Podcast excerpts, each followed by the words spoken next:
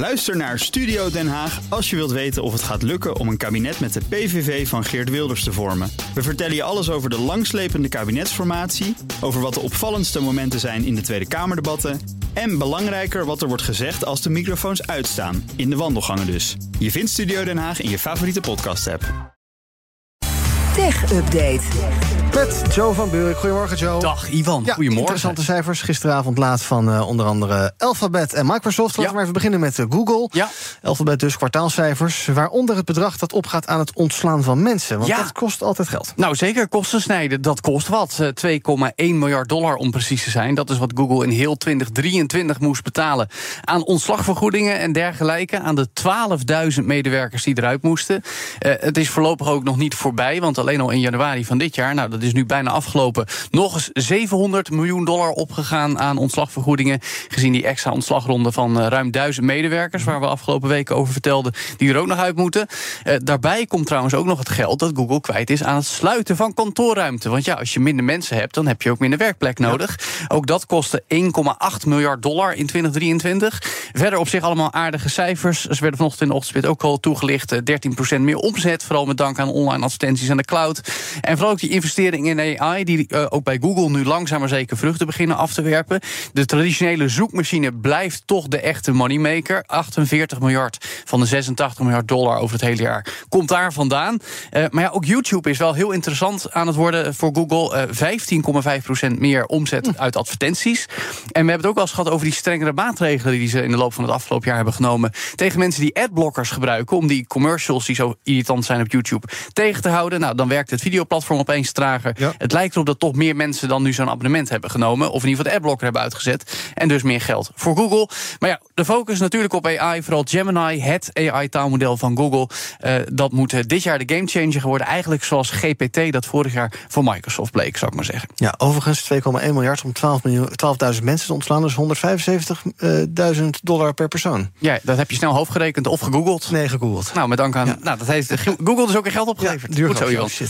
Eh, Microsoft, dat andere bedrijf, daar kwamen ze ook met cijfers... met één opvallende stijger. Jawel, de videogame-divisie. Want het afgelopen kwartaal werd daar maar liefst 61% meer geld omgezet. Maar natuurlijk zit er een addertje in het gras. En het addertje Onder heeft twee gras. namen. Onder het gras, inderdaad. Heeft twee namen, Activision en Blizzard. Want die overname werd natuurlijk afgelopen oktober eindelijk eh, helemaal voltooid. 2 miljard dollar extra omzet komt daar vandaan. Eh, eh, en tegelijkertijd is er ook 1 miljard dollar extra aan kosten gemaakt... voor de hele integratie met de overname, de transactie aan zich en dergelijke. Eh, maar goed, eh, toch 7,1 miljard dollar omzet. En daarmee zijn videogames de op twee na belangrijkste bedrijfstak geworden voor Microsoft. Meer nog dan Windows dus. Nog wel iets minder dan de kantoorsoftware. Daar wordt 13,5 miljard verdiend over het afgelopen kwartaal, moet ik er trouwens bij zeggen. En vooral de cloud-divisie, zo'n 25 miljard. Eh, dat is dat als laatste toch wel 60% van de hele business daar. En dat is toch belangrijk. Wel goed om te noemen, de verkoop van hardware blijft echt in mineur. De verkoop van PC's en dergelijke zijn wel terug op niveau van voor corona, zegt de top. Maar de producten van Microsoft gaan niet meer zo hard. Maar ja, het grootste belang van hun blijft andere partijen die computers verkopen met ja. Windows erop.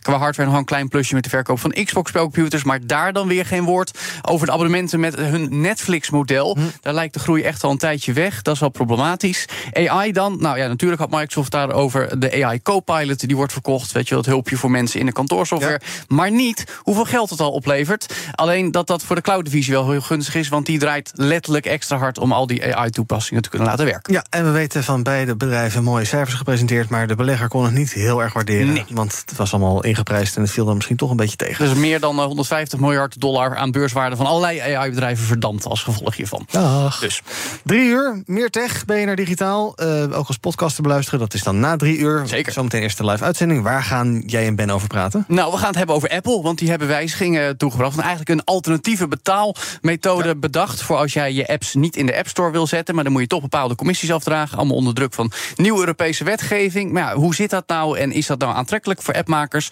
En zou je moeten investeren in quantumcomputers? Nou, eh, ja of nee, dat horen van de TU Delft vanmiddag in BNR Digitaal. Jo van Buurik, dankjewel. De BNR Tech Update wordt mede mogelijk gemaakt door Lenklen. Lenklen. Betrokken expertise, gedreven innovaties. Bij BNR ben je altijd als eerste op de hoogte van het laatste nieuws. Luister dagelijks live via internet. Bas van Werven. En heel langzaam komt de zon op rond dit tijdstip. Je krijgt inzicht in de dag die komt op BNR, het Binnenhof in Nederland en de rest van de wereld. De Ochtendspits. Voor de beste start van je werkdag. Blijf scherp en mis niets.